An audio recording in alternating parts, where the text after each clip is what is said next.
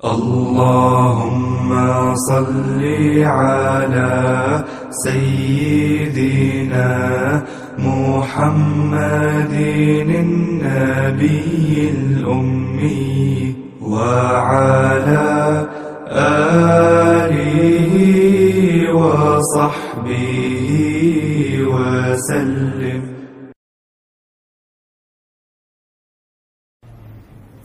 بسم الله الرحمن الرحيم. والحمد لله رب العالمين والصلاة والسلام على سيدنا محمد وعلى آله وصحبه أجمعين. اليوم نتحدث إن شاء الله في الآية 56 من سورة غافر. أعوذ بالله من الشيطان الرجيم.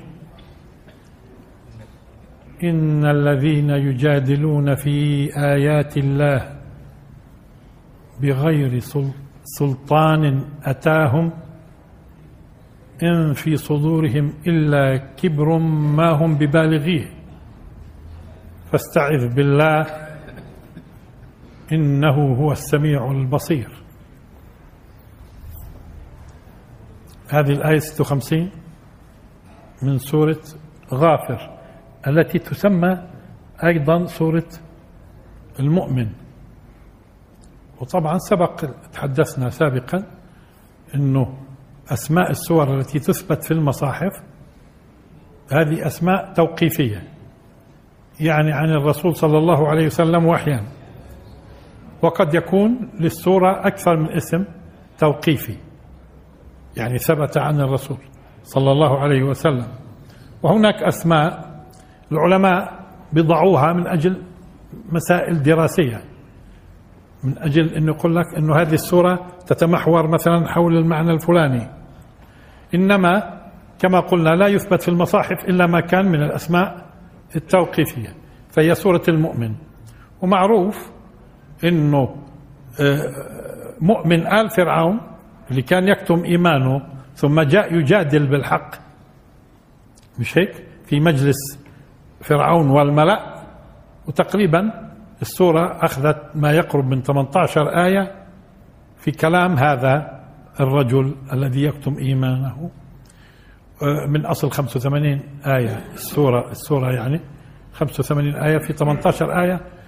حوار وجدال هذا المؤمن مع فرعون والملأ. وهذا نادر في القرآن. إذا بتلاحظوا أن تبرز شخصية هكذا مؤمنة ليست هي بنبي ولا برسول ولها دور. مش هيك؟ يعني ورد في سورة ياسين شيء قريب من هذا. هيك؟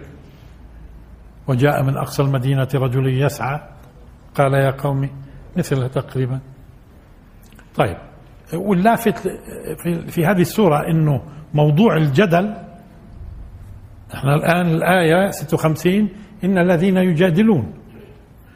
أعلى نسبة ورود لمشتقات جدلة موجودة في هذه السورة اللي هي سورة غافر.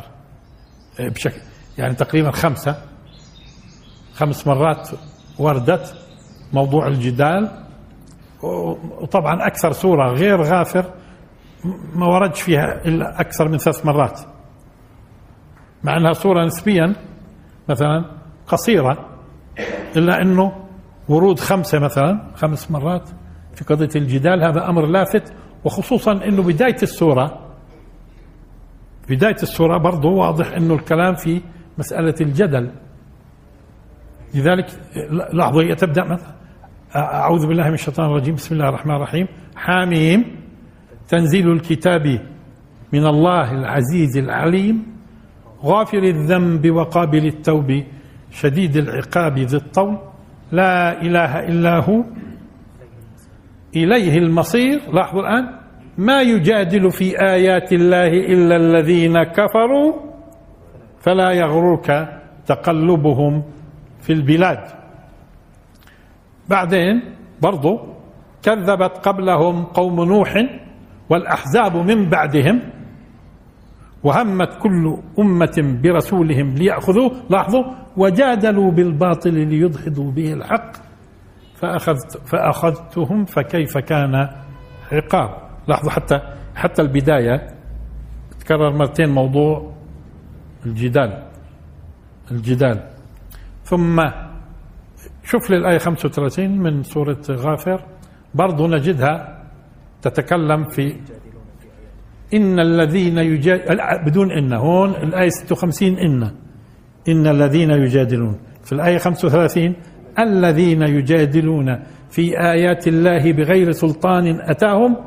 كبر مقتا عند الله وعند الذين آمنوا. شوف لي آية 69 برضو في في في سورة غافر. ألم تر إلى الذين يجادلون في آيات الله أنا يصرفون؟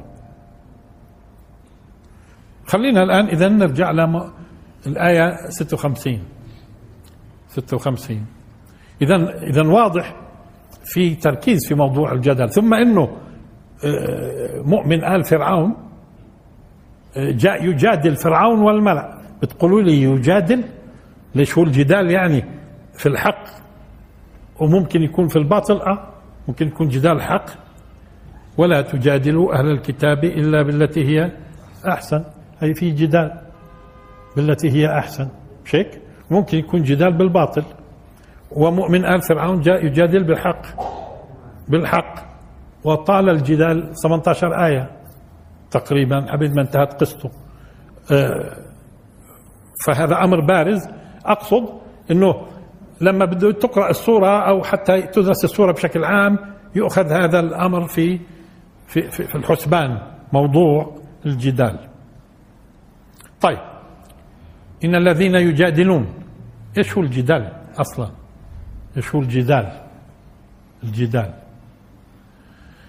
خلينا شوية نقرب الصورة نأخذ الجديلة اللي بتعرفوها.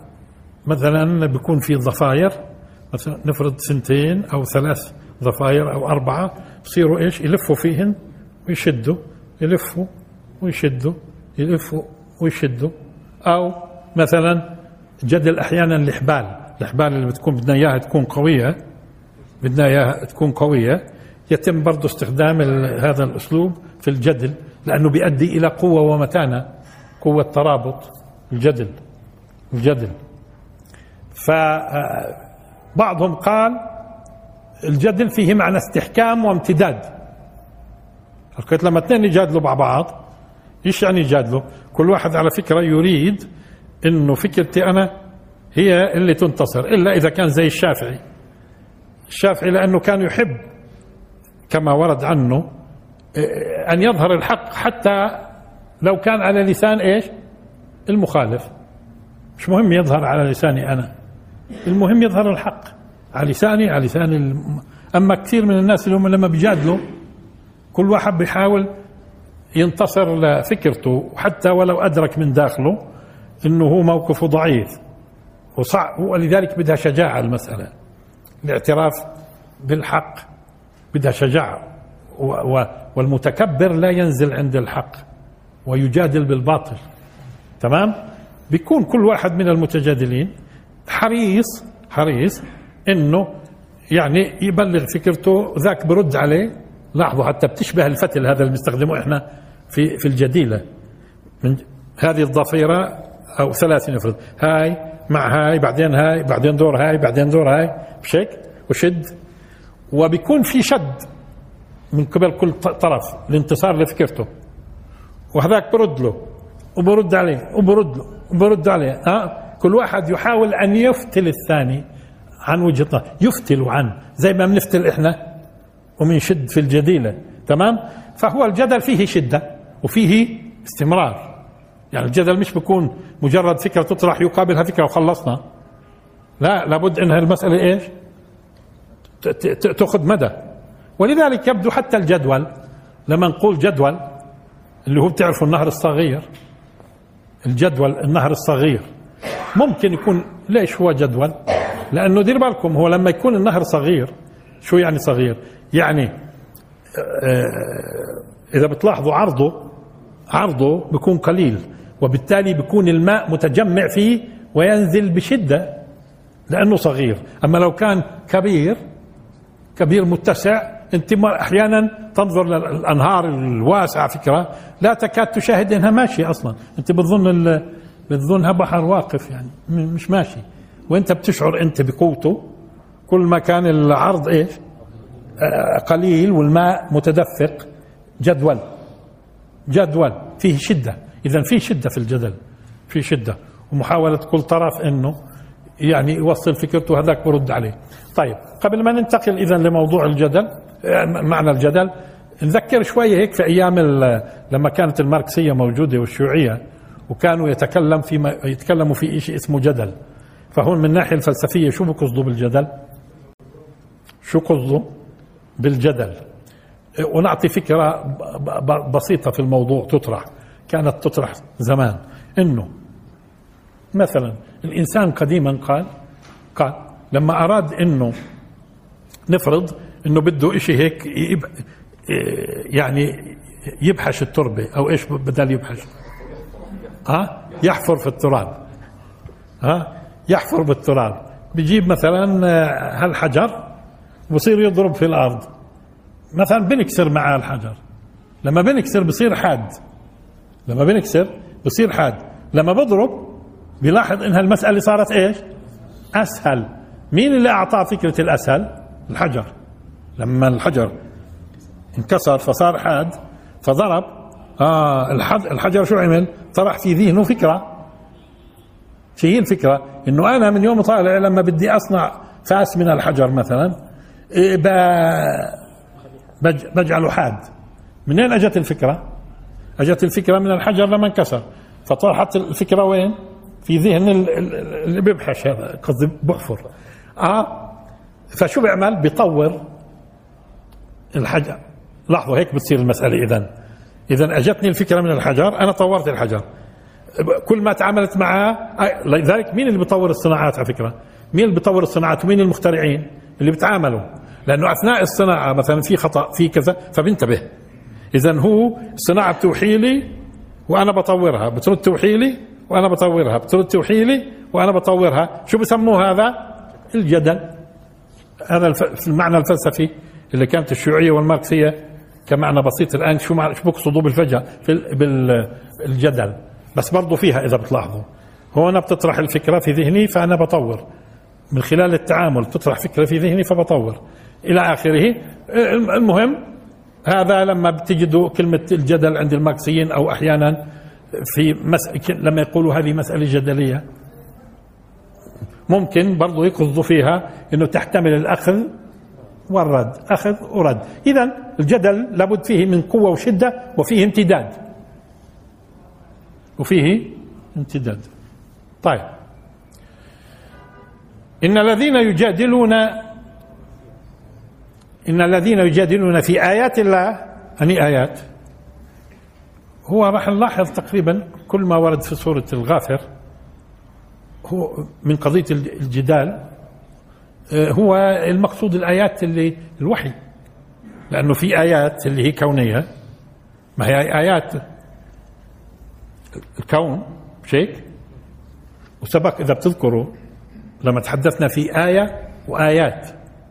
وقلنا لكم معظم ما ورد في القرآن الكريم من آية قد يكون هناك استثناء واحد قد. يعني ممكن نختلف في الاستثناء. آية مفردة لا يقصد فيها آيات الله اللي هي الوحي وإنما يقصد فيها آيات الله في الكون. هذا بالمفرد. لكن في الجمع لا يغلب إيش؟ تكون المقصود فيها اللي هي آيات الوحي. هذا سبق تحدثنا فيه. إذا من خلال الاستقراء. إذا آية بتكون كونية في الغالب أو معجزة. وممكن يكون في استثناء واحد. آه وإنما آيات يغلب إنها يقصد فيها اللي هي بالوحي يعني. الوحي. إن الذين يجادلون في آيات الله بغير سلطان أتاهم بغير سلطان أتاهم نشوف أول شيء سلطان. سلطان. من سلطة. سلطة سلطان. غفر غفران. نقص نقصان. وكان قالوا فلان آه، آه، تسلط عليه مثلا. مش هيك تسلط عليه. وفلانة سليطة اللسان. والعرب على فكرة فرقوا بس مش وقته فرقوا بين بين قولنا فلانة سليطة وفلان سليط. إيه، الغريب في الموضوع إنه فلان إذا كان رجل سليط سليط إيه، معنى إيجابي. ولكن فلانة سليطة معنى سلبي. ليش عملوا هيك؟ ما أدري مش قضية مش موضوعنا. اذا طيب إيش هو السلطان؟ لاحظوا السلطان مسألتين. مسألة الأولى تمكن وتفوق السلطان. وينتج عنه مرات قهر وغلبة وتفاصيل؟ أما هو في الأصل إيش؟ السلطان. هو عبارة عن تمكن آه وتفوق. حتى لما قالوا النوم سلطان معناته شو ماله النوم؟ معناته لاحظوا تمكن منك وغلبك وتفوق. وتفوق. فالسلطان فيه إذن تمكن وفيه تفوق. وبالتالي ينتج عنه أحيانا غلبة ينتج عنه أثناء ممارسة السلطان بيكون السلطان غالب على كل الأمور تقريبا بشكل آه. طب سلطان هون هل هو يعني برهان مثلا ولا حجة ولا دليل؟ وخلينا هون إنه حتى طبعا ليش ليش بنوقف إن شاء الله عند الألفاظ هاي؟ لأنه مثلا حجة واردة في القرآن. معناته وين ما وردت نفهمها إن شاء الله. برهان وارد في القرآن. مشان مكان وروده نفهم إيش برهان لأنه في فرق بين حجة برهان سلطان دليل. دليل. هاي الأربعة. إذا نسيت واحد فيهم قولوا لي. نشوف. أول شيء نشوف برهان. وقوة كمان. كيف؟ قوة. قوة. آه، وما كان لي عليكم من سلطان. سلطان. السلطان إيش؟ معانيها. تمكن. ما هو تمكن. والتمكن منين جاي؟ التمكن ي- يأتي من القدرة. والقدرة ما- أشكال. الحجة. آه. طب نشوف ال- البرهان برهان. قبل شوي قلت أنا قلت قلت بلاش أنا. هاي قلت نقص نقصان غفر غفران. بره برهان. بره برهن برهان. مش برهن يبرهن تحسبوا إنه في في اللغة برهن يبرهن انسى أما هي اشتقت بعدين من البرهان. بعدين من البرهان اشتقوا برهن يبرهن. انتزعوا منها انتزاع يعني. بس مش هي هي أصلها بره بره برهن. يعني بره بيضة برهن بيضاضا. برهان زي غفر غفران نقص نقصان برهان. أما بعدين انتزعوا منها. انتزعوا من برهان يعني. يبرهن. وبرهن يبرهن. تمام؟ طيب شو هو البرهان إذا على ضوء هذا الكلام؟ إذا بره لاحظها إذا بره برهن بيض بيضاضا معناته هي الحجة الواضحة. إذا شو هو البرهان؟ الحجة الواضحة. وضوح. مأخوذة من البيضاد. واضحة. ما هو الأبيض واضح. تمام؟ فالحجة واضحة. حجة واضحة. إذا هاي هاي هاي البرهان. بكون هو حجة واضحة. طب ما إحنا ما عرفناش حجة. تمام؟ نيجي لحجة لأنها واردة في القرآن برضو. مثلا واردة في القرآن مثلا تحاجون. لا حجة بين ها؟ لئلا يكون للناس على الله حجة. أتحاجوني؟ طب في أما إذا بتلاحظوا في كلمة برهان فيش هيك فيش قضية. مثل الحجة. طب شو هو الحج؟ الحج هو القصد. هذا في اللغة. أما في الاصطلاح بصير آه، آه، مثلا قصد إلى معظم. الحج فيه قصد. بس أنو قصد؟ طب أنا ممكن أقصد شيء بدون أي حركة. بدون أي حركة. هذا مش حج. هذا مش حج. وإنما لحظة هو هو قاصد ومتحرك. هو قاصد وإيش؟ متحرك حتى نقول حج. إذا لابد من الحركة والسعي. حتى السعي إلى المقصد. دير بالك السعي إلى المقصد ما هو حج فيه القصد إلى القصد إلى. فهو بكونش مجرد والله أنا في في ذهني قصد. لا هذا مش حج في ذهنك قصد. في ذهنك أمور تقصدها أنت أو شو قصدت بالكلام شو قصدت بالكلام هذا مش حج. لا الحج هي ممارسة عملية في اتجاه المقصود. وإذا كانت في قضية الدين فالمقصود إلى معظم وفيه حركة. وما أدري وإحنا صغار على فكرة منين أجت؟ بعرفش الناس بيستخدموها ولا لا. مثلا في بعض الناس كان يبقى قاعد ويتحرك بهذه الطريقة كنا نقول عنه بحج. ونقول عنه بحج لأنه متحرك. مش هيك كأنه عنده قصد وإيش؟ وبتلاقيه إيش؟ ها؟ بتحرك. فاذا لابد من حركة. في حدا فيكم استخدمها هاي وأنتم صغار؟ بحج. آه. حكل ما هو لابد يكون واحد عايش في البداوة شوي. طيب المهم. أيوه حج حج. امشي يعني اتحرك. حج حج. طب إيش الحجة؟ الحجة. الحجة. لأنه من نفس الباب طالما إنه الحج فيه قصد وفيه حركة في اتجاه فمعناته الحجة لحظها. بتكون أنت تقصدها تقصدها من أجل ان ان أن ان, أن توصل فكرتك وتثبتها. أنت بتستخدمها عمليا. فيش تستخدمها الحجة. في اثبات في إثبات أمر تريد أنت. تريد أنت. فأنت بتسلك بتسلك تسلكها هذا المسلك من أجل لانك اللي بتقصده إثبات الشيء اللي بتقصده. تسلك لإثبات الشيء اللي بتقصده إثباته. شو بسموها؟ حجه الآن هذه الحجة كانت قبلت أو لم تقبل موضوع ثاني. يعني أثبتت ولا ما أثبتتش؟ لا. لكن مسلكك وسلوكك هذا الطريق في التفكير والتدليل من أجل الإثبات شو اسمه هذا؟ حجة. إذا ما في قضية الوضوح. الوضوح وين موجود؟ في البرهان. مش قلنا البرهان بده يكون في وضوح. حجة واضحة. ها هذا الحجة الواضحة برهان. أما الحجة قد لا تكون برهان. مش هيك؟ وقد لا تثبت الحجة أصلا. هات حجتك هات حجتك. شو يعني هات حجتك؟ يعني يلا أسلك أشوف في التدليل والإثبات. أسلك هذا الطريق اللي عندك أنت من أجل شو مقصدك أنت تثبت؟ شو مقصدك؟ تثبت هذه حجة.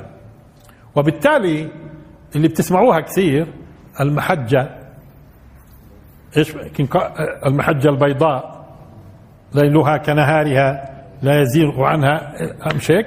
طب إيش المحجة؟ أيوه هي الطريقة لحظة الطريقة الواضحة المستقيمة التي تسلك للوصول إلى الهدف. مش في قصد؟ اللي هو الهدف. إذا إيش الحج المحجة؟ المحجة.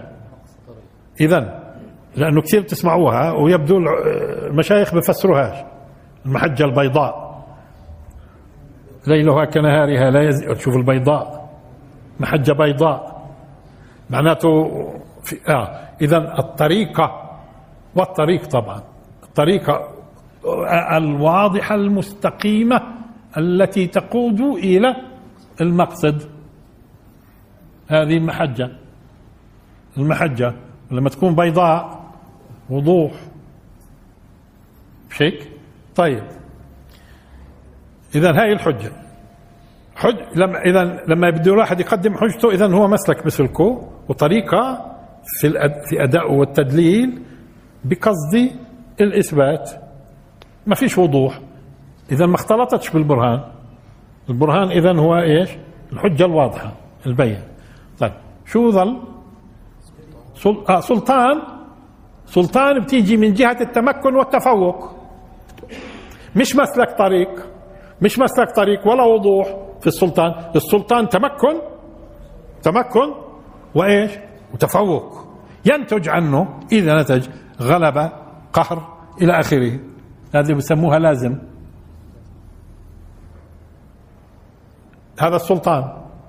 طيب مرات بيكون أنت فعلا تأتي بالدليل الذي يقهر ولا يترك مجال يعني ماكن دليل ماكن يقهر الخصوم ولا يترك مجال وتتضح الغلبة. انت بتكون إيش؟ هذا سلطان. اذا إذا من أي جهة بنقول سلطان؟ اذا بهذا الشكل القصد إيش؟ إنه لما بن- نقرأ في القرآن لما يستخدم سبحانه وتعالى أو تستخدم في القرآن مثلا برهان بده يكون واضح في ذهننا دائما إيش؟ الوضوح الحجة. المسلك اللي بنسلكه في اتجاه المقصد. السلطان معناته في تمكن في في تمكن وتفوق. طيب شو ظل؟ الدليل. أما الدليل مثلا لما واحد يدلك على طريق لما بدلك عن طريق شو بي يبين لك الطريق ويريك الطريق. اذا الدليل فيه إيش؟ تبيان وإراءة. بوريك. بس بوريك. آه, آه من هون. لذلك لما تكون أنتم بدكم دليل مثلا في بلد انت بتعرف فيها حدا بدك دليل شو بيعمل الدليل؟ يريك الطرق ويبينها. من هون من هون من هون من هون من هون من هون. هذا إيش؟ آه، آه، الدليل اللي انت بتستخدمه في في مدينة ما مثلا مشان توصل هدفك اذا اذا الدليل معناته المسألة منحصرة في التبيان وإيش؟ والاراءه خليك تشوف. فالدليل فيه علم. فيه علم. طيب هذه مثلا آه، التمييز بينها. بيجعلنا نفهم الآيات بشكل أفضل إن شاء الله. إن الذين يجادلون في آيات الله بغير سلطان أتاهم. بغير سلطان أتاهم؟ ودير بالكم ها؟ مش بغير سلطان عندهم. لأنه ممكن مرات السلطان يجي من جهتك. مش هيك؟ البرهان بده يجي من جهتك والسلطان ممكن يجي من جهتك. لك لكن هو بغير سلطان أتاهم. معناته يغلب على فكرة يغلب وتق... ما هي الآية تكررت مرتين على فكرة هذه العبارات في, في سورة غافر حتى. الذين يجادلون الآية الثانية بدون إن الذين يجادلون في آيات الله بغير سلطان أتاهم. هون إن الذين يجادلون في آيات الله بغير سلطان أتاهم. أتاهم؟ آه معناته القضية غالبا ستتعلق الآن ستتعلق بالأمور اللي هي غالبا غيبيات. والعجيب هذول الناس اللي بصيروا يناقشوك في الغيبيات. ولا مش صحيح ولا ما فيش ولا ما أثبتش ليه وبتنكر. طب على أساس؟ تجدوا هذا النوع ولا لا؟ طب أنت بتنكر. طب ما هي غيبيات. يعني هذه الآن مش براهين عقلية. ما هو الم- المعرفة بياخذها الإنسان غالبا من وين؟ إما من العقل والبديهيات العقلية اللي الله سبحانه وتعالى فطر البشر عليها. البديهيات العقلية. فعالم الرياضيات مثلا هذا عالم البديهيات العقلية. طيب إما عن طريق ال- الفطرة العق... البديهيات العقلية الفطرية هاي آه اللي بيسموها معارف فطرية أو عن طريق الحس الحواس الخمسة أو الخبر الصادق. واليوم معظم الناس عم باخذوا معلوماتهم في المدارس وف- وفي الإذاعة وفي التلفزيون وفي الإنترنت. معظم المعلومات اللي بياخذوها إيش؟ أخبار. حتى الأطباء لما بيدرسوا تجد كثير من المعلومات من الأطباء اللي قبلهم أجروا أبحاث قالوا لهم هيك هيك وجدنا. فبتلاقيك قال لك هيك هيك بصير. منين أنت أجريت البحث؟ لا. خبر. خبر صادق. كيف بنعرف إنه صادق؟ هذا موضوع ثاني. صادق. غالبا هذا هو. هذا هو. اذا عقل حس خبر صادق. تمام؟ حتى ما يأتي من إلهامات في إلهام ما هو الملائكة تلهم والشياطين توسوس. حتى ما يأتي من إلهامات وأنت ما بتدرك إنها إلهامات هذه خبر. آه؟ وحتى ما تراه في المنام أحيانا وتتفاجأ بعد أسبوع وإذا به أمامك نفس المنظر نفسه في الواقع هذا خبر صادق. اللي هي لما تكون الرؤيا صادقة. فكيف ما درت كله في إطار إيش؟ مرات ممكن في بعض الناس يضيفوا رابع مش قضية الآن مش قضية بس هو غالبا يعني هي الثلاثة شو اللي جاب هذا الكلام؟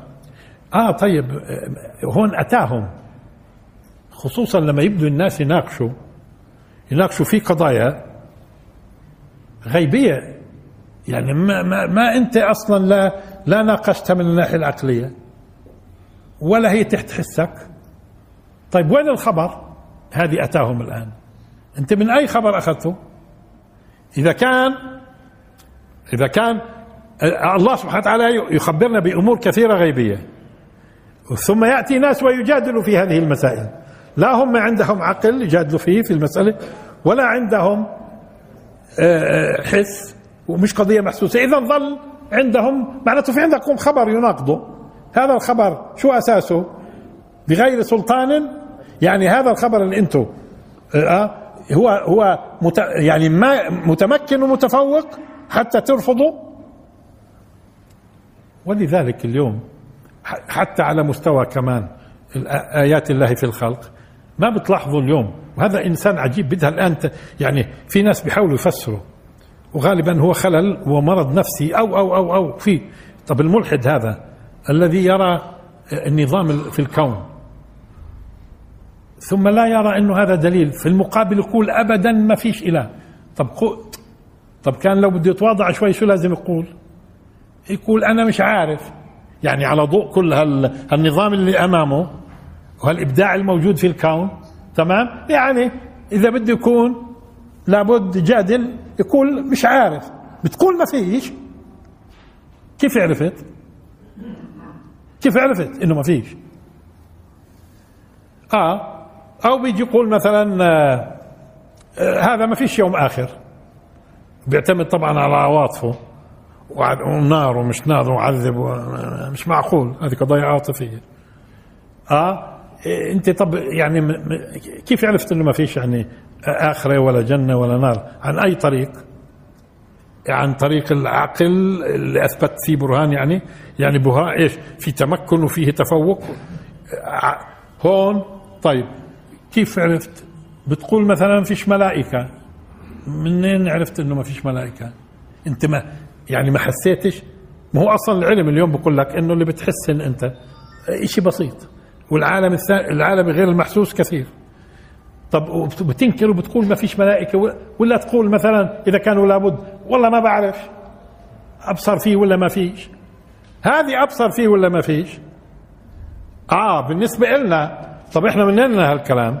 إحنا كبشر عندنا المعرفة بنأخذها زي ما قلنا من العقل. آه فالقرآن الكريم يفترض ابتداء دققوا معي. القرآن الكريم يفترض ابتداء يثبت بالعقل. القرآن بيثبتش بالخبر مجرد خبر. قال أبو أبوي قال لي القرآن من عند الله. أبوك قال لك بلك أبوك ما بيعرفش جدي قال القرآن من عند الله. شو شو قال جدك. أنا عارفين مين جدك؟ هو نزل عليه يعني على جدك؟ إيه كيف بنعرف إنه من عند الله؟ إذا هون ابتداء يجب أن تثبت تثبت عن طريق العقل. بعد ما يثبت عن طريق العقل وقتها بتصير أخباره صادقة لأنه لا يعقل يكون إله وأخباره غير صادق. بتقول لي لا يعقل ليش هو إله؟ أيوه هو بالدرجة الأولى بدنا نثبت لك إنه اله الإله اللي بيتكلم ولا؟ ولذلك شوفوا رحمة الله في البشر. لا يوجد على وجه الكرة الأرضية أي دين يقول أي دين يستطيع أن يثبت علاقته بالخالق. الله جرد كل الأديان المزعومه وغير المزعومة. جردها من أدلتها. ليش؟ حتى لا يكون حجة لأنه كان كل رسول يبعث إلى قومه خاصة. والآن أجى دور الرسالة العامة. الباقي هذاك ما بلزمناش الآن ما هو خاص. والآن أجى دور العام لما البشرية بلغت رشدها بد الآن الرسالة العامة. طيب ولذلك أنا قلت لكم مرة جاني قسيس على مركز نون جايب لي معاه 13 تلميذ أو قريب من هيك قال هات نتناقش. شو اللي خطر في باله مش فاهم. آه قلنا له هات. وأمام تلامذتها. أمام تلامذته. قلت له يلا نبدأ. أنت كيف تثبت أنه الأناجيل هاي اللي بين إيديك من عند الله؟ ما أنا فاهم الط- الطبخة كلها. هو ولا الحاخامات كلهم من عند اليهود؟ كيف يثبتون أن هذا من عند الله؟ هي كلام يقال اثبت لي أنه من عند الله أنت. هذه الأول واحدة. قلت قال هذا شيء لا يعرف بالعقل. قلت له كيف يعرف بإيش؟ قال لي سلم نفسك لله وهو بيهديك. قلت له ما إحنا مسلمين من زمان وهدانا. ما إحنا مسلمين وهدانا. ها؟ شو عندك كمان؟ فيش. مش تقولوا هذا الوحي- الوحيد. يا ما شفت من أمثالهم من من العقول الكبيرة. هذا الدليل. كل لك سلم نفسك. كلهم بيقولوا هيك. سلم نفسك. سلم لنا تسلم. آه طب سلمنا ما إحنا. ما إحنا سلمنا. وشو كمان عندكم؟ هذا من رحمة الله. تظنوش إنه في دين عنده دليل إنه له علاقة بالله. اليوم. إلا الإسلام. بالتالي طبعا هو لو بدي أستمر معاه على فكرة هذه قضية طويلة بتعنينيش. هو مش بس هو بيقدرش يثبت إنه من عند الله وأنا بثبت له كمان إنه كثير منه مش من عند الله بثبت له. هذا موضوع ثاني لأنه هذا مش موضوعي. يعني هي قضيتين على فكرة وهي مارسناها معهم وشفنا سواء كانوا اللي بيقولوا الإنجيل ولا اللي بيقولوا التوراة. أول شيء ثبتوا إنه من عند الله.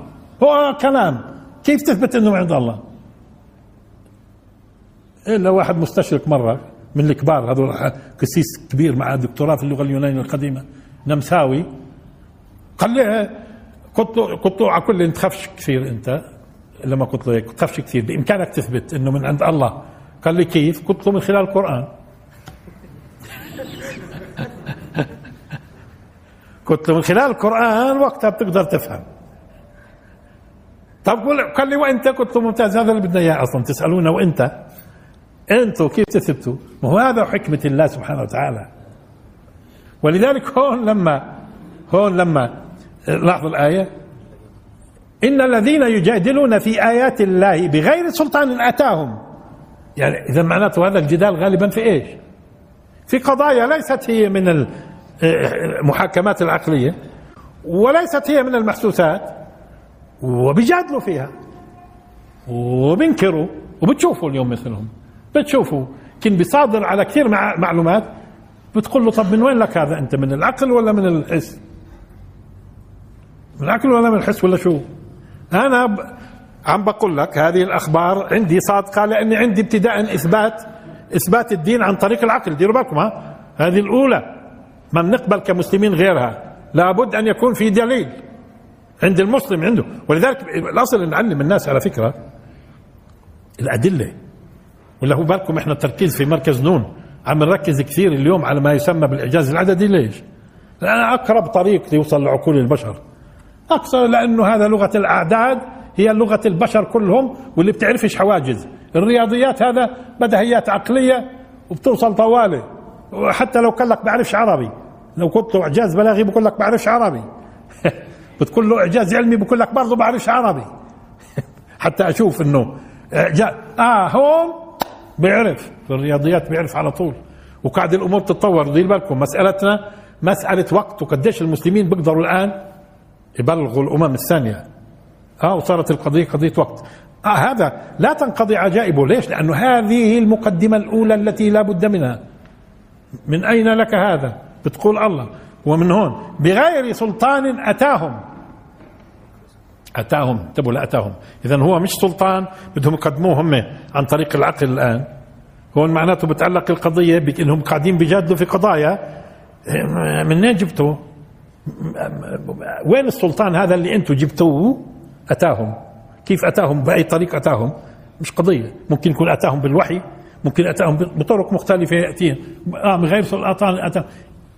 إن في صدورهم إلا كبر ما هم ببالغيه إن في صدورهم إلا كبر ما هم ببالغيه نشوف قبل, هيك آه، آه، الكبر سبق تحدثنا في الكبر. والرسول صلى الله عليه وسلم شو عرف الكبر؟ في الحديث الصحيح لاحظوا بطر الحق وغمط الناس. هذا خلاصة الكبر. طبعا واضح إنه المتكبر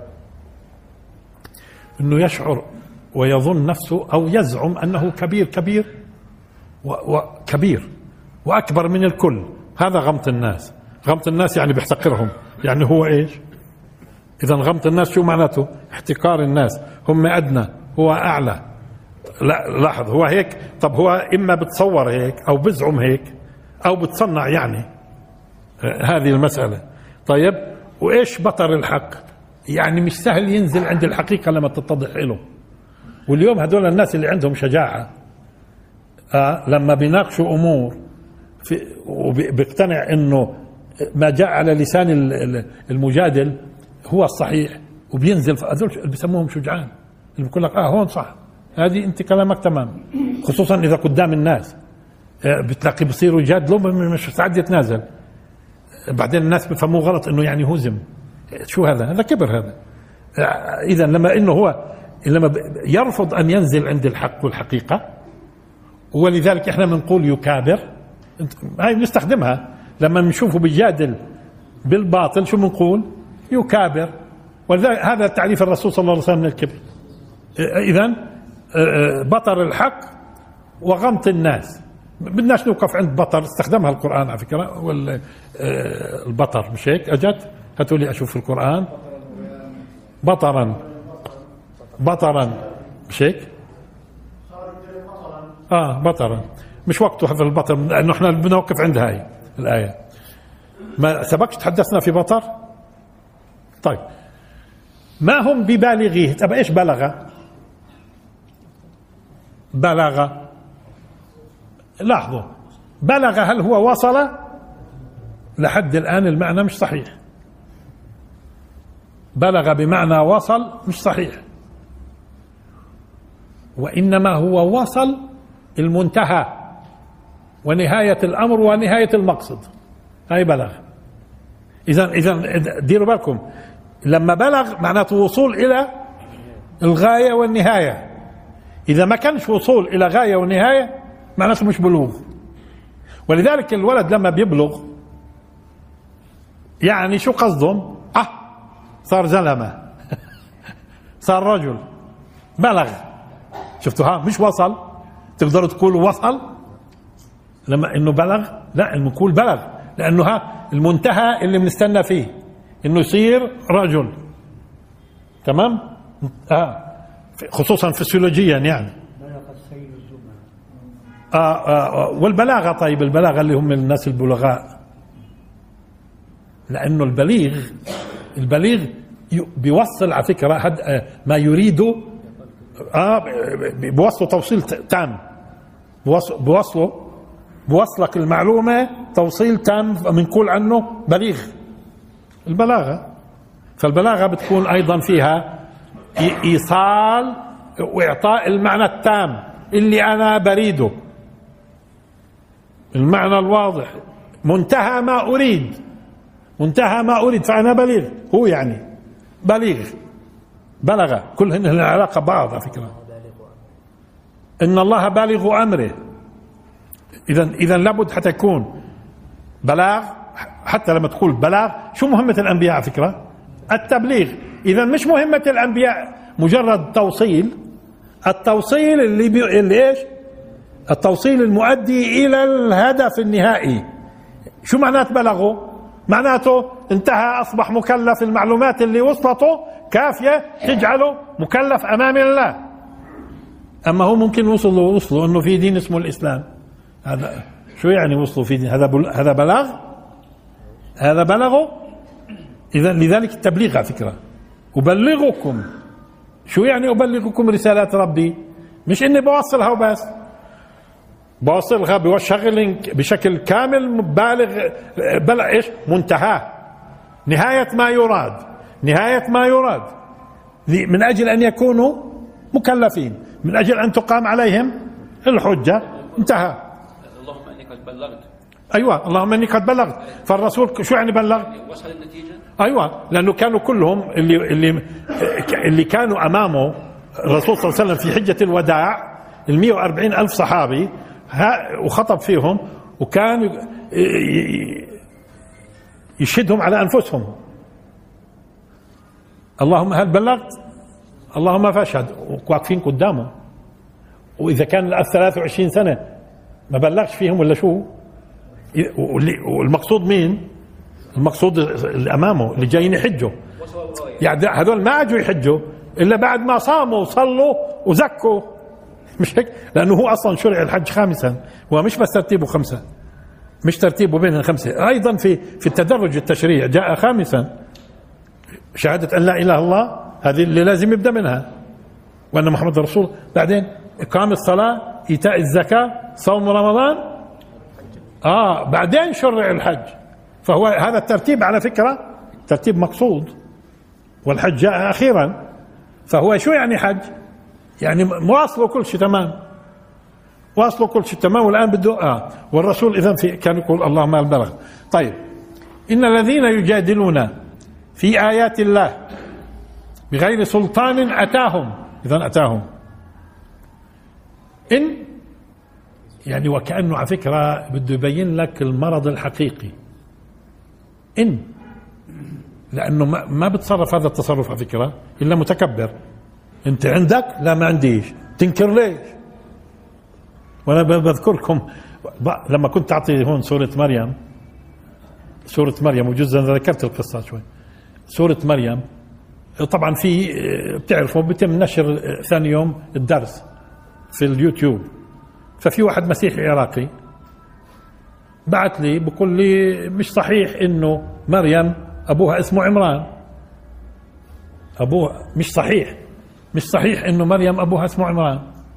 فبعت له قلت له طب يا أخوي مين مين أبوها لمريم؟ تصوروا. مين أبوها لمريم؟ أنا فاهم إنه إنه في, في الأناجيل فيش أبو مريم. أنا فاهم إنه فيش. هو بعد تتورط. شو بقول لي. مش صحيح إنه مريم أبوها عمران. ردت عليه قلت طب والله تقول لي. فغاب أسبوع كأنه أسبوع سأل قام حط قالوا له آه، ما بنعرفش اسم أبوها مريم. فيش. فرجع شو قال؟ أبوها اسمه يعقوب. كيف يعني يعقوب؟ قال ما هو خطيب مريم اللي هو خطيب مريم اللي هو اسمه يوسف النجار. اسم ابوه يعقوب. قلت له أنا بسألك اسم أبو مريم قبل ما قبل ما تخطب قبل ما يخطبها. بده الآن يطلعونا بخطيبها. إحنا بدنا بدنا أبو خطيبها إحنا. إحنا بدنا ابو أبوها هي. طبعا تورطوا. آه، قلنا له أبوها هي. قال اسم أبو. اسم أبو خطيبها يعقوب. قلنا له طيب خذ.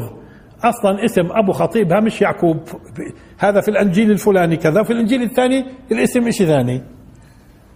آه. وبتجادلوا يعني حتى يعقوب حتى يوسف النجار له أبين قصدي في هذا الإنجيل اسم وفي هذا الإنجيل اسم. وبمنعش على فكرة من ناحية عقلية أن يكون الواحد له اسمين طيب ما فيش إشكال. بس أنه أبوها مريم. آه، هون طيب تيجي بتقول لي ها تصور بغير سلطان أتاهم. بتقول لي أبوها مش مش عمران.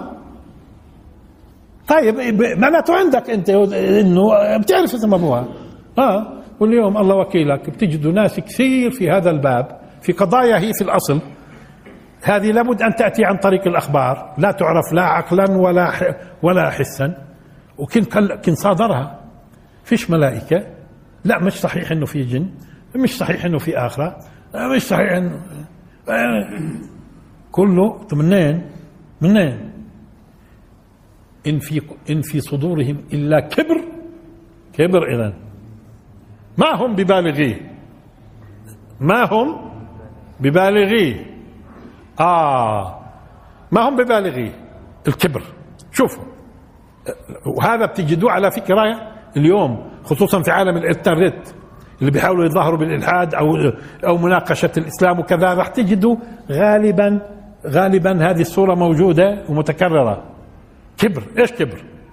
هو معناته من داخله شاعر إنه كبير. مش قلنا هو بشعر إنه كبير. هذا الشعور إما شعور مرضي أو مفتعل. ما هم ببالغيه؟ شوفها يعني مش راح يوصلوا حقيقة الحقيقة اللي هم بتظاهروا فيها. مش راح يوصلوا.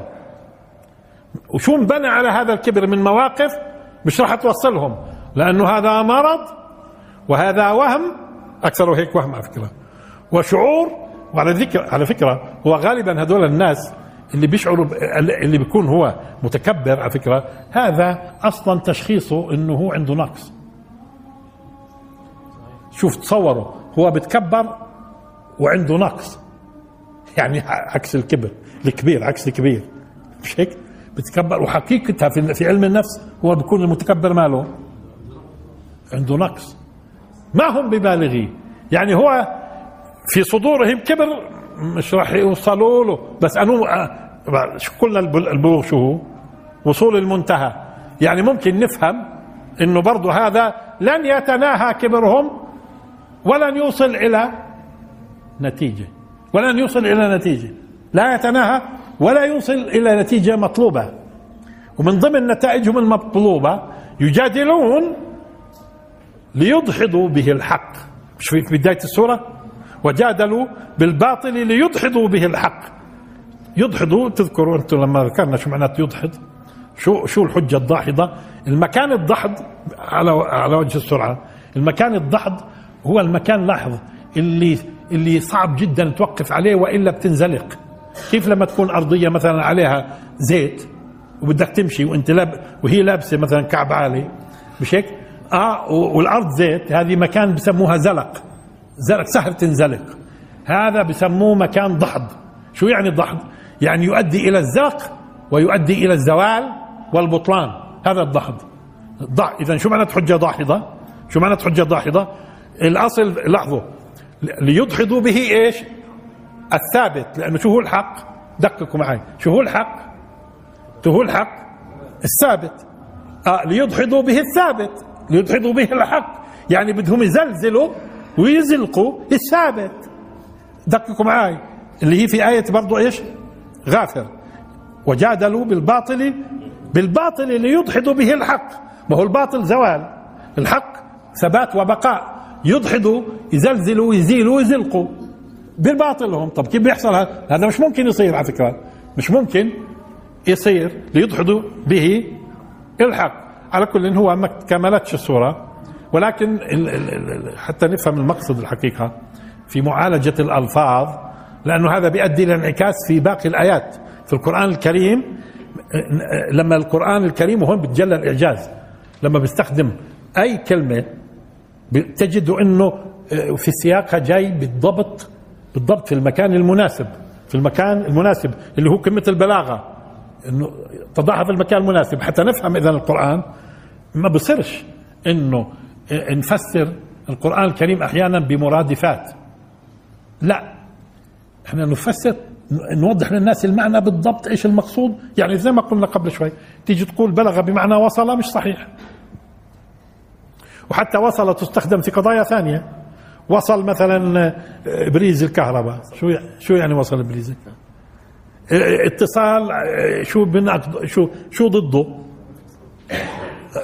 انفصال مثلا. اتصل ولا انفصل؟ طب بلغ. مش نقيضها. بلغ نقيضها ما بلغش. مش هيك؟ نقض بليغها نقيضها ما بلغش.